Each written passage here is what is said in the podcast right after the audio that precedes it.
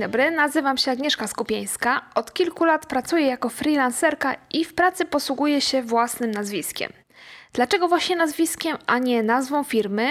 Kiedy nazwisko może być lepsze niż wymyślona nazwa, także o czym trzeba pamiętać, wymyślając nazwę dla swojej firmy, o tym opowiem w tym odcinku. Zapraszam do posłuchania szczególnie freelancerów i osoby, które w najbliższej przyszłości będą zakładać firmę lub zmieniać formę prawną, czy też zmieniać właśnie nazwę swojej firmy.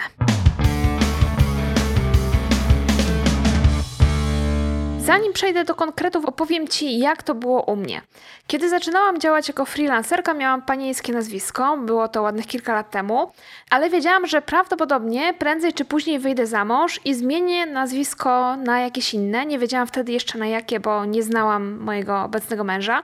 Podwójne nazwisko raczej nie wchodziło w grę, to wiedziałam na pewno, chyba że ten mój przyszły mąż miałby jakieś bardzo krótkie nazwisko, bo sama ja miałam wtedy długie imię i długie nazwisko. E, łącznie to było jakieś 20 liter, więc dołożenie do tego kolejnego długiego nazwiska e, moim zdaniem nie wchodziło w grę, byłoby trochę kłopotliwe. No i dlatego też od samego początku zastanawiałam się, co ja właściwie powinnam zrobić. Czy opłaca mi się pracować pod własnym nazwiskiem, które no wiadomo będę kiedyś zmieniać, czy też powinnam sobie wypracować jakąś markę, z którą z kolei klienci mogliby mnie identyfikować, niezależnie od tego, jakie mam nazwisko. Czy ja to nazwisko zmienię, czy będę miała takie, jak miałam na przykład na początku naszej współpracy. Dla przykładu mam taką znajomą, e, która jest korektorką i ona pracuje jako pani od polskiego i nie musi się martwić o to, czy klienci pamiętają jej nazwisko, bo y, pani od polskiego, ta jej nazwa marki jest y, łatwo wpadająca w ucho, łatwa do zapamiętania. No i ona właśnie pod swoim nazwiskiem nie pracuje. Ja mogłam zrobić wtedy tak samo i właśnie zastanawiałam się, jak to ugryźć, jak to zrobić. No i zdecydowałam, że e, chcę pracować pod swoim nazwiskiem i podejmuję to w pewnym, można tak powiedzieć, ryzyko. Podejmuję to ryzyko, że będę miała kiedyś kłopot ze zmianą nazwiska. I zdecydowałam tak e, z dwóch powodów. Po pierwsze, e, nie byłam bardzo rozpoznawalna i wiedziałam, że no nie jestem na tyle znana, żebym się musiała obawiać, że klienci mnie z kimś pomylą, że moje nazwisko już teraz zapadnie im w pamięć, że się przyzwyczają, a potem się nie będą mogli przyzwyczaić do nowego po ewentualnej zmianie tego nazwiska. No po drugie, zależało mi od samego początku na tym, żeby klient wiedział, że kontaktuje się z nim jedna ta sama osoba, że pracuje dla niego ta konkretna Agnieszka, e, a nie ktoś z agencji, czy, e, która jakaś tam się, jakoś tam się nazywa, ktoś przypadkowy właśnie z takiej jakiejś agencji.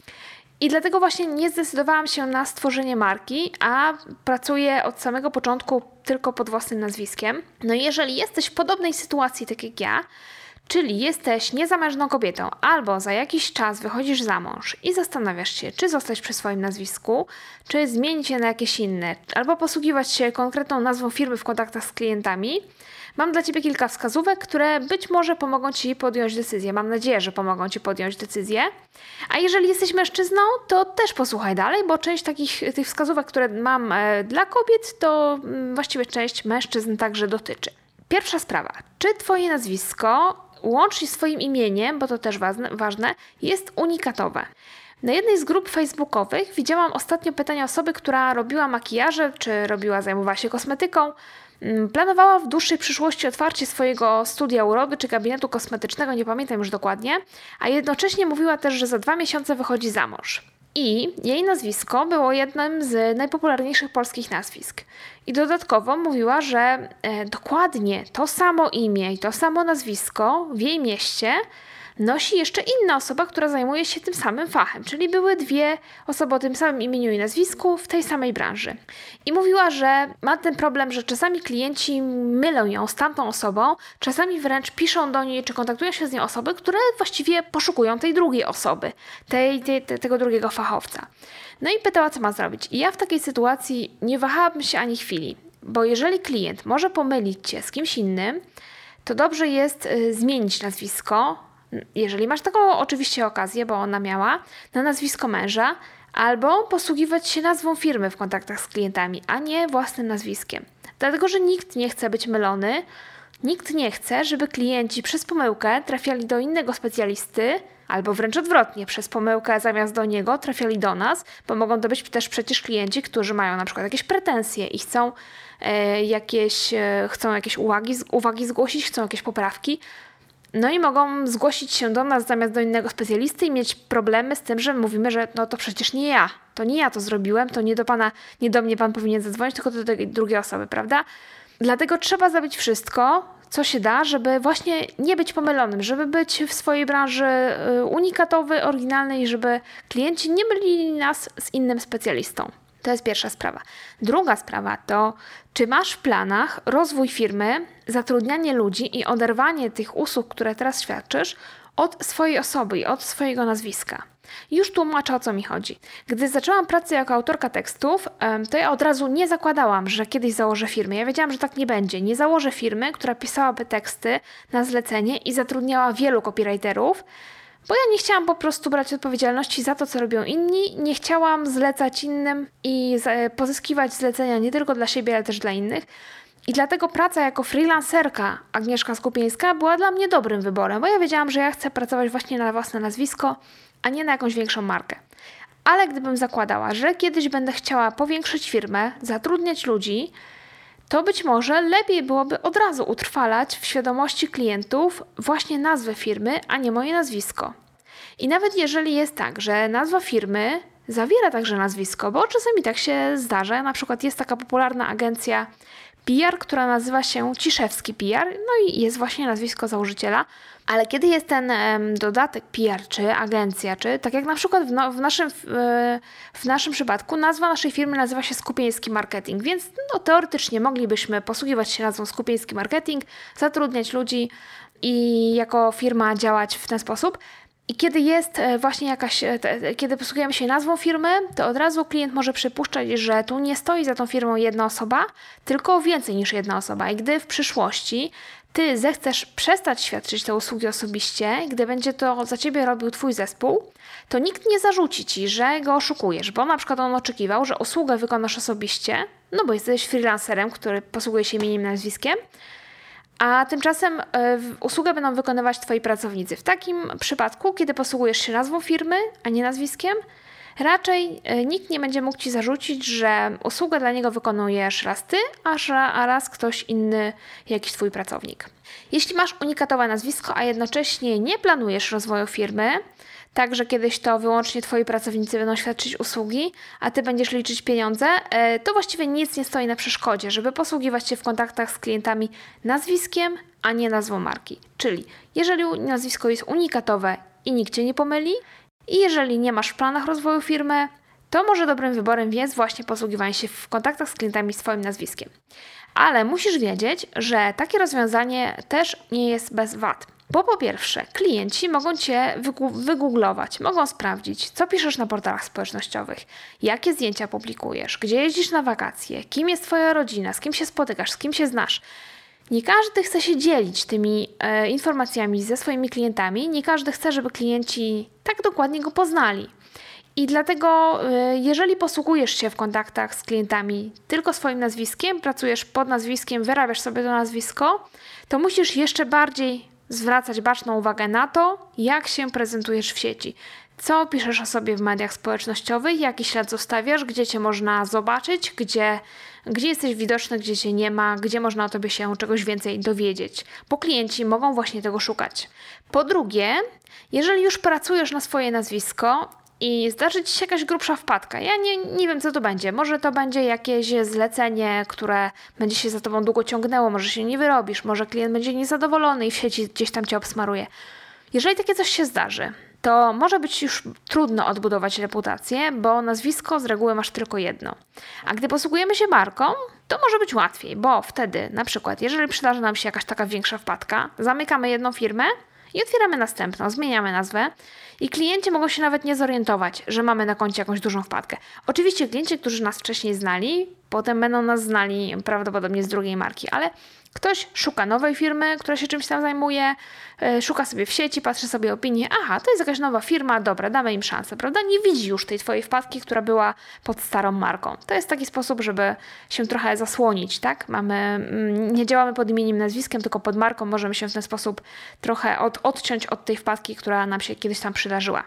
I zanim przejdę do tego, jakie są plusy i minusy działania pod marką, na przykład pod nazwą firmy, którą mamy jakby urzędowo już zapisano w papierach, to jeszcze wrócę na moment do zmiany nazwiska, bo może się wydawać, że ludzie bardzo nas kojarzą z nazwiskiem i że po ślubie będziemy mieć duży problem, żeby ci ludzie przyzwyczaili się do nowego nazwiska, ale w rzeczywistości powiem Ci, że mm, wcale tak nie jest. Bo owszem, jeżeli kogoś znamy od dziecka, to trudno się przestawić na jego nowe nazwisko i na pewno sam masz takich znajomych, których znasz od dziecka, takie kobiety, które kiedyś się nazywały jakoś, teraz się nazywają jakoś inaczej i cały czas Ci jest trudno się oswoić z tym, że one mają inaczej inne nazwisko.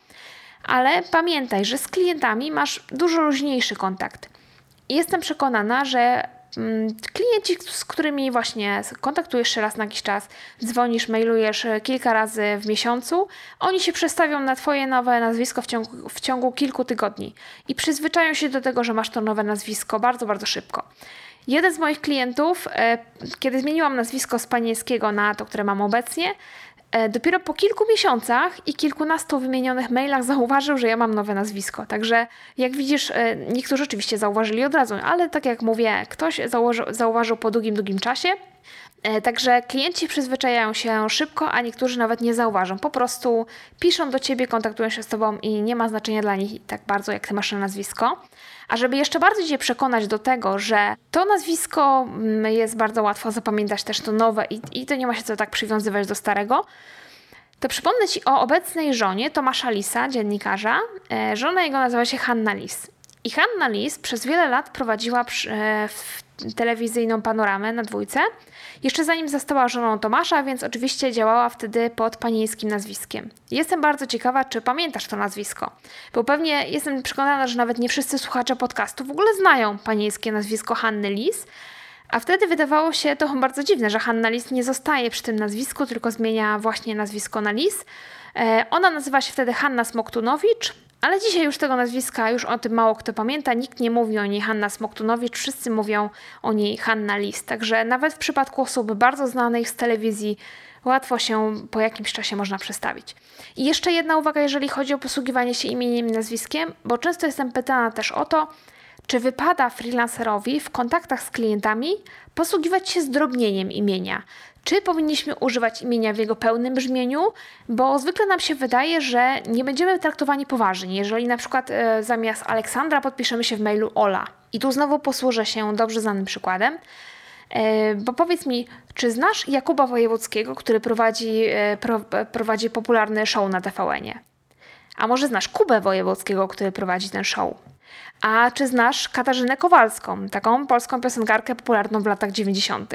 Pewnie znasz, tylko że ona używa zdrobnienia i e, zdrobnienia swojego imienia, przedstawia się jako Kasia Kowalska, nie Katarzyna Kowalska. A jeżeli nie znasz Kasi Kowalskiej, nie znasz Kuby Wojewódzkiego, chociaż bardzo w to wątpię, to już na pewno słyszałeś kiedyś o Billu Clintonie, który był amerykańskim prezydentem i musisz wiedzieć, że Bill to jest zdrobnienie od imienia William. Więc skoro prezydentowi USA wolno używać zdrobnienia i nie wzbudza tym śmieszności, nie naraża się na bycie uważanym za niepoważnym, no to myślę, że ty także możesz tego zdrobnienia używać. Po prostu podpisuj się taką wersją imienia, z jaką się dobrze czujesz, jaką bardziej lubisz. Wróćmy jednak do rozważań e, nad tematem, e, czy pracować nad własnym nazwiskiem, e, czy pod własnym nazwiskiem właściwie, czy też pracować pod nazwą firmy, nazwą swojej marki. To drugie rozwiązanie, jak już powiedziałam wcześniej, ma także swoje plusy, bo po pierwsze, jak już powiedziałam, daje możliwość oderwania tych usług od ciebie, czyli powierzenia swojej pracy komuś innemu, tak jakby schowania się z pierwszej linii frontu, yy, gdy coś pójdzie nie tak. No i przydaje się też wtedy, kiedy masz zamiar wyjść za mąż, bo nazwę firmy nie musisz zmieniać wtedy, kiedy zmieniasz nazwisko. Ale musisz też wiedzieć, że czasami działanie pod swoją marką zamiast pod nazwiskiem nie jest aż tak korzystne, bo zwłaszcza jeżeli wybierasz nazwę firmy czy też nazwę marki, bo to nie musi być tożsame, e, zwłaszcza jeżeli właśnie wybierając tą nazwę będziesz próbował dopasować się do trendów, jakie panują w e, Twojej branży. No bo zastanów się, jak nazywają się konkurencyjne firmy w Twojej branży.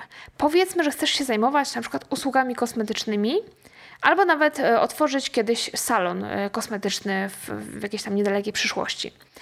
Jak się nad tym zastanawiam, to w Łodzi jest kilka firm e, z branży właśnie kosmetycznej, które mają na przykład w nazwie beauty albo mają metamorfoza.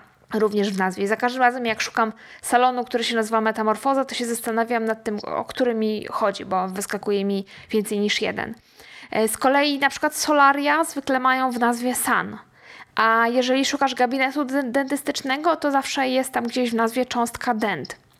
I mam nadzieję, że już rozumiesz o co mi chodzi, do czego zmierzam. Że nazywając swoją firmę tak jak nazywa się konkurencja, możesz spowodować, że klientowi będzie trudno zapamiętać Twoją nazwę, bo, e, bo właśnie dlatego, że będzie ją łatwo pomylić z inną nazwą, podobną nazwą swojej branży. Bo klient może zapamiętać, że miałeś w nazwie na przykład dent, i wpiszę sobie w Google stomatolog e, kropeczki dent, czy tam gwiazdka dent, prawda, żeby Google mu podpowiedział. No i znajdzie wielu, wielu dentystów, znajdzie między innymi dentystę, który akurat przyjmuje na przykład bliżej jego domu niż ty i zamiast pójść do ciebie, pójdzie sobie do tego dentysty, którego ma bliżej. Dlatego, jeżeli planujesz pracować e, właśnie nie pod swoim nazwiskiem, ale pod nazwą swojej marki, nazwą swojej firmy, no to dobrze przemyśl to, już na etapie tworzenia nazwy i tworzenia całej identyfikacji wizualnej, przemyśl to, jak się wyróżnić na tle konkurencji, bo czasami może się wyróżnić nazwa, czasami może nas wyróżniać właśnie identyfikacja wizualna, ale dobrze jest na tym etapie już wiedzieć, czym będziemy się wyróżniać i nie, no po prostu nie nazywać się tak, jak nazywają się inne konkurencyjne firmy, żeby się nie zlać razem z nimi w jakąś taką trudną do rozróżnienia masę. Na zakończenie jeszcze kilka formalnych wskazówek dotyczących rejestrowania firmy i wybierania nazwy, bo tu jest też parę rzeczy, o których trzeba koniecznie pamiętać, kiedy zakładamy firmę. Jeżeli zakładasz jednoosobową działalność, to nazwa Twojej firmy musi zawierać Twoje imię i nazwisko. Takie są przepisy, musi być Twoje imię i nazwisko. Może to być samo imię i nazwisko, możesz się po prostu nazywać. Ja mogłabym swoją firmę nazwać Agnieszka Skupieńska i byłoby wszystko ok. Natomiast jeżeli chciałabym jakąś inną nazwę, na przykład copywriting, to też musiałabym nazwać copywriting Agnieszka Skupieńska, prawda? Nazwa Twojej firmy nie może być określeniem gorszącym, nie może zawierać przekleństw, nie może zawierać jakichś określeń związanych z seksem, nie może też wprowadzać w błąd, na przykład zawierać nazwy jakiejś instytucji. Czyli na przykład jeżeli zajmujesz się finansami osobistymi, jesteś jakimś tam doradcą finansowym, to nie możesz nazwać swojej firmy Ministerstwo Finansów Osobistych, bo jest tutaj w nazwie Ministerstwo Finansów i to mogłoby wprowadzać w błąd. Nie można też zarejestrować nazwy firmy z jakąś nazwą miejscowości albo też z nazwą kraju. Czyli jakbyś chciał nazwać się Zjednoczone Emiraty Arabskie, to nikt takiej nazwy ci nie zarejestruje. W nazwach nie wolno też używać tytułów dzieł sztuki, na przykład tytułów filmów, czy tytułów e, jakichś obrazów, czy tytułów książek, bo te z kolei podlegają ochronie praw autorskich i w ogóle nie można używać żadnych określeń, które naruszają jakiekolwiek prawa osobiste albo prawa majątkowe osób trzecich. Czyli mm, nie nazwiesz swojej firmy jakimś tytułem konkretnym filmu, nawet jeżeli e, zajmujesz się jakąś działalnością filmową, nie ma takiej opcji. No i na zakończenie taka ciekawostka, i bo i może jednocześnie taka trochę wskazówka, bo to, że dzisiaj wymyśliłeś jakąś nazwę i dzisiaj ta nazwa wydaje ci się dobra, to nie znaczy, że nigdy już nie będziesz miał szansy tej nazwy zmienić i że ludzie, którzy teraz od ciebie kupują, teraz cię znają, to absolutnie nigdy się nie przyzwyczają do tego, że masz nową nazwę. Bo mało kto dzisiaj pamięta, że na przykład e, przeglądarka Firefox, Mozilla, Mozilla Firefox, e, zaczynała jako Phoenix. Google którego dzisiaj wszyscy znamy i z którego wszyscy korzystamy, kiedyś e, został założony jako Black Rab. Natomiast Nike, e, firma, która zajmuje się m.in. produkcją obuwia sportowego, została założona jako Blue Ribbon Sports. I nawet Playboy, popularny dzisiaj magazyn, początkowo miał się nazywać inaczej, już nie pamiętam jaka ta nazwa miała być, ale e, zostały właśnie zgłoszone prawa do, do tej nazwy, którą wtedy Hugh Hefner sobie wymyślił. No i stanęło na tym, że Playboy nazywa się tak, jak się nazywa. Dziękuję Ci za wysłuchanie tego odcinka. Jeżeli uważasz, że może on się komuś przydać, to bardzo Cię proszę puść go dalej, udostępnij na Facebooku, pokaż znajomemu, który właśnie zastanawia się nad założeniem firmy e, i zastanawia się nad nazwą dla tej firmy. Mam nadzieję, że ten odcinek e, trochę mu pomoże. A jeżeli masz do mnie jakieś pytania, chcesz się ze mną podzielić spostrzeżeniami, to jak zwykle zapraszam Cię e, do kontaktu mailowego aga.małpa.tosiopłaca.pl Natomiast wszystkie odcinki podcastu są do posłuchania na tosieopłaca.pl ukośnik podcast. Na dzisiaj się żegnam i mam nadzieję, że nie przegapisz kolejnego odcinka, który już za tydzień. Do zobaczenia.